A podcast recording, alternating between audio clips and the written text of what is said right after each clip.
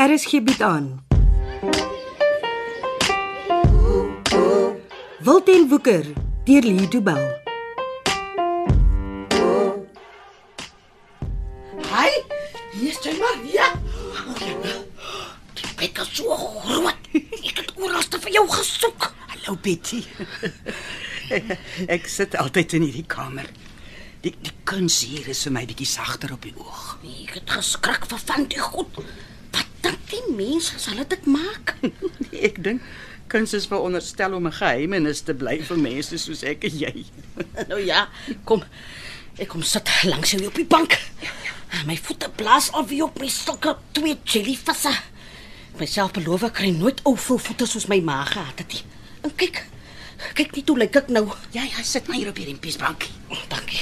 Ek weet nie of dit deel van die uitstalling is of nie. maar hulle kan maar vir ons kom sê ons mag nie hier sit nie as dit so is. Hey Maria, miskien sit ons op die kuns. ek verstaan nie wat kuns nou eintlik is nie. Die ander nag op TV, nê, was daar 'n vrou wat 'n sak meel oor haar kop uitgegooi het en toe dans sy om en om in sirkels en almal sê, "Sjoe, dis mos nou vir jou fantasties." ja, nee, ons twee is oud genoeg om te weet it takes all sorts, né? Ja, Betty. As 'n mens so vir jare soos ons geleef het dan het jy seker maar alles gesien wat daar te sien is, né? Dis so. Toe ek inkom, toe voel ek ek is in 'n James Bond movie. Hoekom? Word jy hierdie plek gekies het vir ons geheime ontmoeting? Maar hoekom laat die kunsgalery jou voel jy's in 'n James Bond fliek? Oor die spies altyd mekaar so in die geheim ontmoet, so tussen al die groot kunswerke. O, oh, ek sien. Ek het maar hierdie plek gekies want niemand sal ons hier sien nie. Ek twyfel of enige van ons kinders al ooit hier was. Ja, behalwe as dit op 'n skooluitstappie was. Ja, ja ek dink is alrede hoekom my kinders hier sou wees. Ja, my Jake sou nooit hier gewees het nie.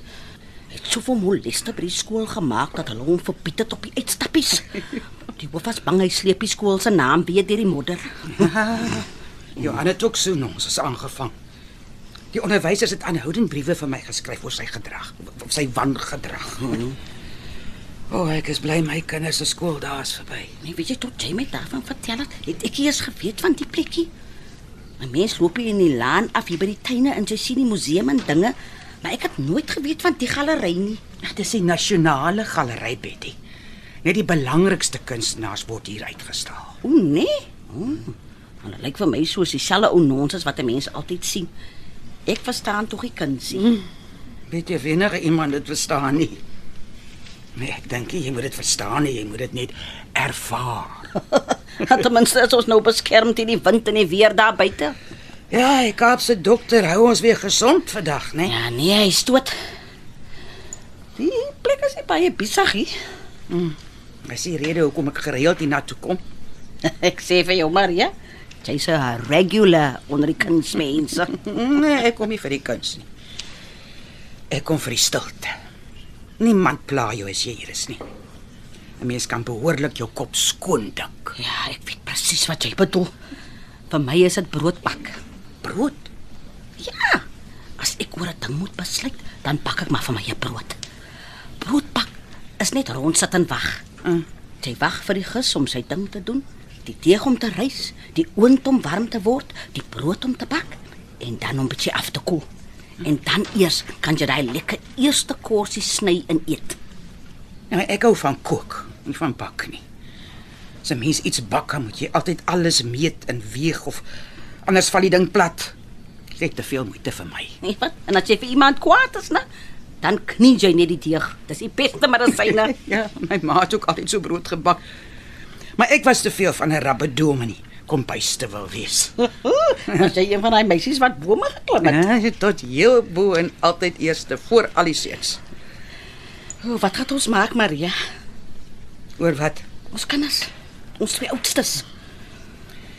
Ek het al begin praat met Johan, maar hy sê hy het nie 'n keuse nie. Hy sê hy moet dit doen en ek moet my neus uit sy saak uit. 'n Mens het altyd 'n keuse. Dis wat ek vir hom sê, maar hy weier om my te glo. Seuns is hardkoppig. Ja, dit kan jy reeds sê, Betty. Johan loop alweer sy eie pad. Hy weier om na enige iemand te luister. Praat hy daarmee jou? As ek hom sien, dan praat ons, maar ek sien hom selde. Ek het my Jakes op net een keer gesien vandat hy by die tronk weg is. Die TV sê een van die bewaarders is doodgesteek met die ontsnapping. Was hy Jakes? Was een van die ander mense? Ja, dis dis nou seker goeie nuus vir jou. Nee, wat? Jakes is die leier van die vinnige boeis. Die polisie sal hom blameer vir alles. Hulle doen dit elke slag. Maak nie saak wat gebeur nie. My Jakes kry plaksla. Gereg is nooit regverdig nie. Hulle sê dit is, maar dit is nie. Wat gaan Jakes nou doen? Hy werk nog aan die volgende job. Die een waarmee Johan moet help. Ja, Hoe stop ons hulle Betty? hm, ek weet nie. Ek weet veragtig nie meer nie. Ons moet hulle keer. Anders verloor ons hulle weer. Maar Jake sê hy sal nooit weer gevang word nie. Ek weet nie so mooi nie. As die polisie iemand soek, kan kry hulle hom. Ja, wat Jake bedoel is dat hy nooit weer lewendig gevang sal word nie. Jy bedoel hy wil eerder sterf as teruggaan tronk toe. Hm, Dis wat hy sê. Betty, wat gaan ons doen? Ai tog Maria, ek weet nie meer nie. Ek wens ek het 'n plan gehad, maar anders as om net met die twee van hulle te praat, het ek nie een nie. Sover help praat nie eintlik nie. Ons sal nie iets anders moet dink. Hm, Ek dink baie hard Maria. Daar's 'n oomblik van 'n dag wat ek nie dink oor hoe ek my kind kan help nie. Ons moet eenvoudig net 'n plan maak. Dan moet iets wees wat ek en jy kan doen. Maar ek weet nie eers wat Jake eintlik beplan nie. Ons weet Johan is deel daarvan. As hy deel is van die job dan, dan kan dit net beteken dat hulle 'n transito trok wil beroof. Ja, ek ek dink Jakes probeer my ander seun ook byhak. En hy wil seker inligting uit hom kry. Jy het goeie inligting nodig as, as jy 'n job reg wil beplan. Ai Betty, ek dink jy slaan die spyker op die kop. Wat 'n spyker. B- b- Ons twee sukkel om 'n plan te maak want ons het nie al die inligting wat ons nodig het nie. 'n Goeie plan het goeie inligting nodig. Ek dink jy's reg, Maria. As ons weet wat hulle beplan om te doen en hoe hulle dit wil doen, kan ons 'n stokkie daarvoor steek. Nou ja, kom ons twee sit dan nou koppe bymekaar en kyk wat ons tot nou toe weet. Wel, Eh, Ons weet Jakes en Johan werk saam aan die roofdog. En ons weet dat hulle 'n transito trok wil beroof. En en nou wat weet ons nog? Dit is al wat ek weet. My kind beplan 'n rooftog en hy wil nie na my luister as ek met hom praat nie. Ons weet ook dat Ben vir hulle inligting moet gee. Anders kan hulle nie doen wat hulle wil doen nie. En sonder Ben se hulp is daar nie 'n jobbie. Is dit wat jy sê? As Ben hulle nie sê waar die trokkery nie, dan sal hulle nooit weet nie. Is jy seker? Maar dis een van Cash Move se sekuriteitsplanne. Net een mens weet op enige gegee tyd watter roetes al die trokke gaan ry. En jou Ben is daai man. Ja. Met sy laaste bevordering het dit sy werk geword. Is dit al wat hy doen? Nee, nee, nee. Meeste van die tyd is hy 'n begeleier. O, oh, wat 'n ding is dit? Hy ry voor of agter die trok in 'n gewone kar Om die trok op te pas. om te help as daar iets fout gaan. Oh, dit klink vir my na 'n baie gevaarlike week. Ek weet.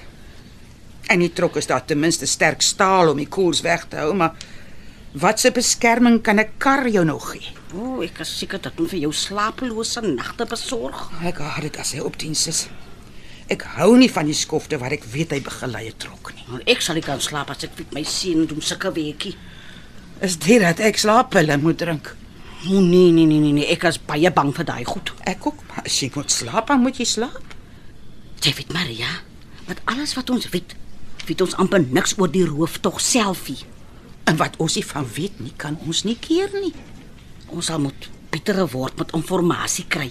Hoe? Hulle is ons kinders. Ons hou net aan om met hulle te praat. Een of ander tyd sal een van hulle te veel sê en dan weet ons wat hulle gaan doen.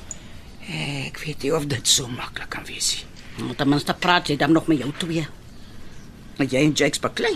Meer vassit as baklei. En nou praat hy nie meer met jou nie. Nee, Jakes praat. Maar as ek wat vir hom kwaad is. Maar julle praat darm met mekaar. Mm -mm, nie eintlik nie. Hy's jou kind, jy moet met hom praat. Nee, ek het my vererg vir hom en slegte dinge gesê. Hy sal jou vergewe. 'n Seun het net een ma. Dis wat die probleem is. Ek was so kwaad vir hom gewees dat ek gesê het ek is nie meer sy ma nie.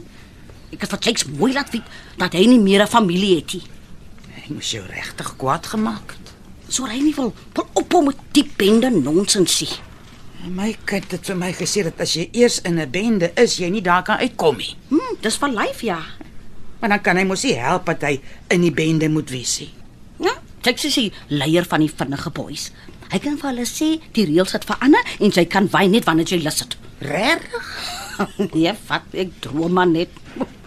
So Jakes is die een wat die volgende rooftog moet beplan vir die bende. Ja. Niemand doen 'n job as Jakes nie vir hulle permissie gegee het nie. Dit was nog altyd so gewees by die vinnige boeis. Nou al wat ons dan moet doen is om vir Jakes te oortuig dat hy nie meer die rooftog moet doen nie.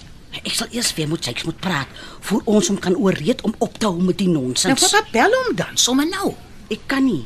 Ja, jy kan Betty, jy's sy ma. Jakes sal luister as jy met hom praat. Jy sal sien. Ek het self twee hardkoppige seuns grootgemaak. Hulle raak vandag dikbek en môre gaan hulle weer aan asof aan niks gebeur het nie. Ek wil hom bel maar ek kan nie. Ek het nie sy nommerie. Nou hoe kontak jy hom? Dit is te gevaarlik om hom te kontak. Ek moet wag dat hy my bel of iemand stuur om my te kom haal. Het jy al iemand gestuur? Ja, die ander dag Steve het vir my by die huis kom haal. Steve.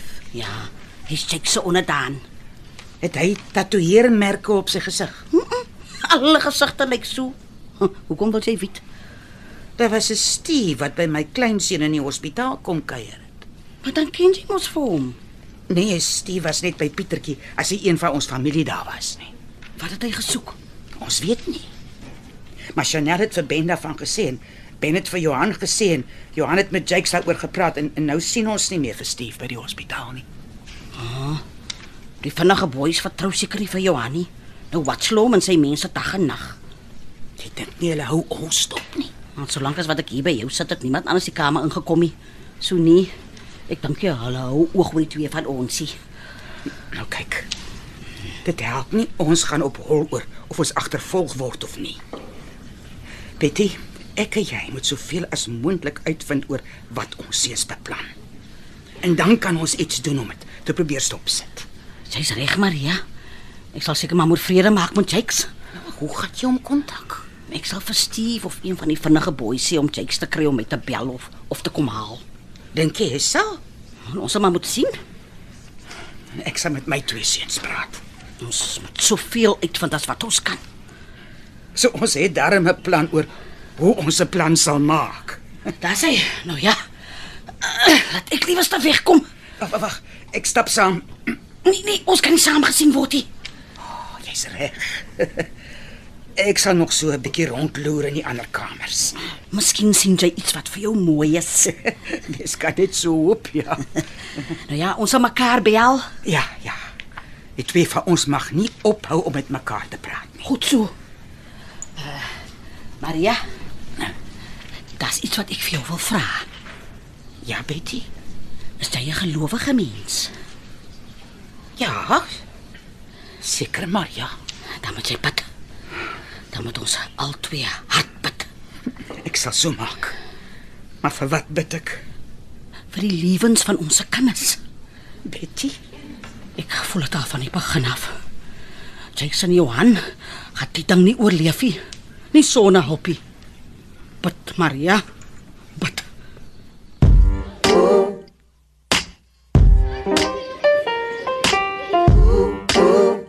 Dit was Wilten Woeker deur Lee Du Bell.